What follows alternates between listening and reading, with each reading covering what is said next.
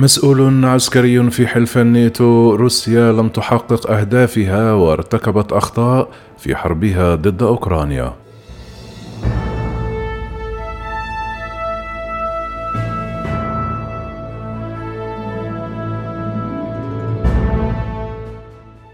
تمتلك روسيا واحد من أعتى الجيوش في العالم، لكن هذه القوة لم تظهر جليا في حملتها العسكرية على أوكرانيا، وتفاجأ العديد من المحليين العسكريين الغربيين من أداء القوات الروسية في ساحة المعركة حتى الآن، وهو ما أدى بأحدهم إلى وصف هذا الأداء بأنه بائس.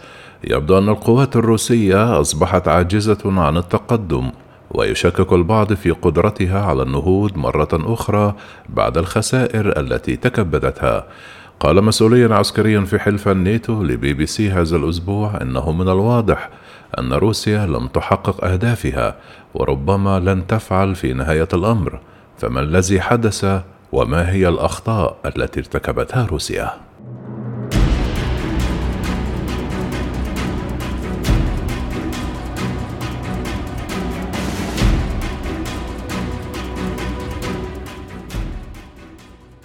الخطأ الأول الذي وقعت فيه روسيا هو الاستهانة بصلابة المقاومة ومقدرات القوات الأوكرانية القليلة العدد، فروسيا تنفق ميزانية قيمتها 60 مليون دولار سنويا على الدفاع، أما ميزانية الدفاع الأوكرانية فلا تتجاوز أربعة مليارات دولارات سنوية.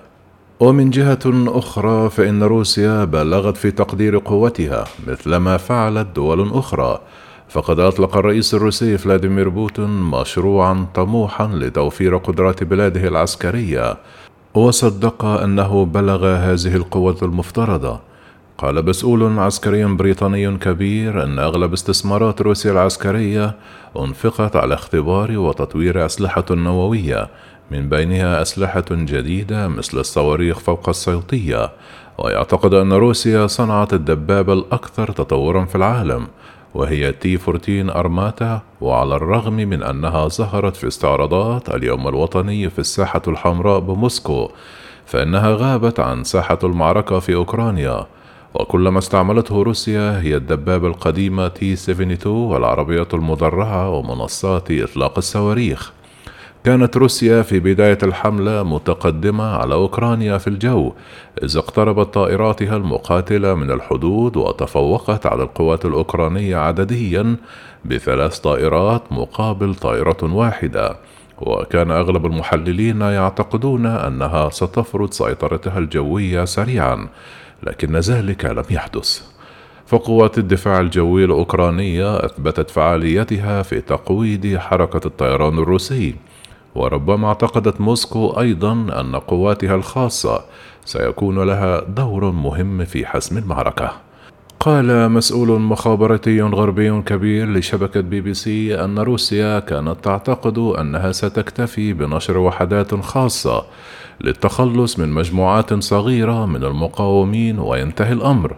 لكن المقاومة الأوكرانية تصدت في الأيام الأولى لهجمات روسيا بالطائرات العمودية على مطار هوستوميل على مشارف كييف ومنعتها من إنزال الجنود والعتاد.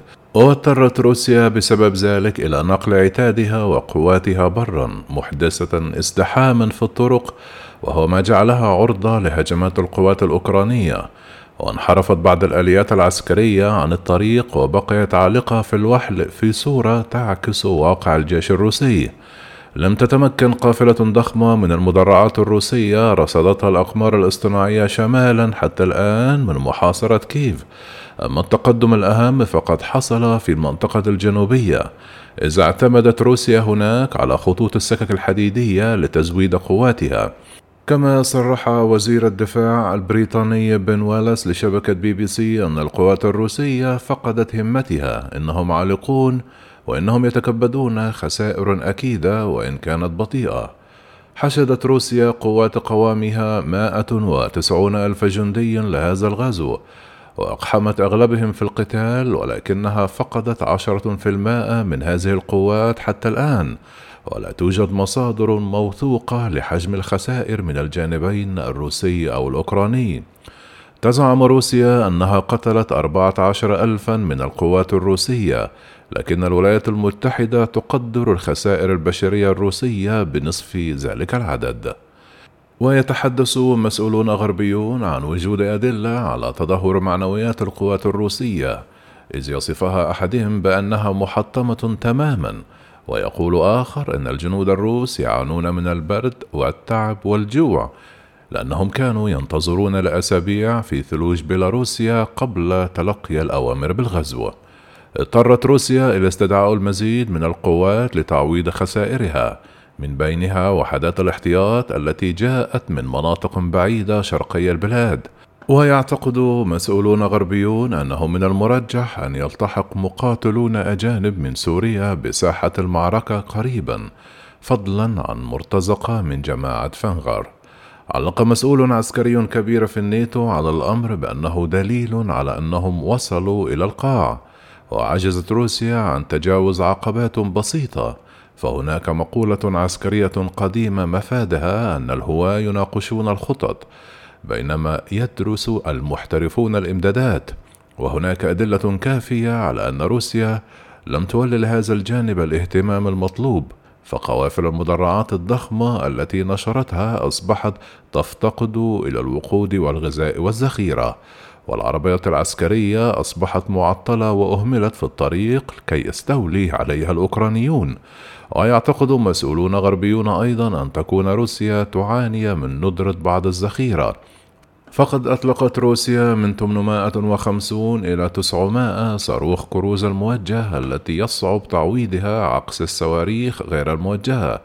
ونبه المسؤولون الأمريكيون إلى أن روسيا طلبت من الصين تزويدها بما ينقصها من معدات. وعلى العكس تتلقى أوكرانيا مساعدات عسكرية متواصلة من الدول الغربية رفعت من معنويات قواتها المقاتلة. أعلنت الولايات المتحدة الأمريكية أنها ستمنح أوكرانيا مساعدات عسكرية إضافية قيمتها 800 مليون دولار فضلا عن المزيد من الصواريخ المضادة للدبابات والمضادة للطائرات. من بينها طائرة مسيرة صغيرة طورتها الولايات المتحدة.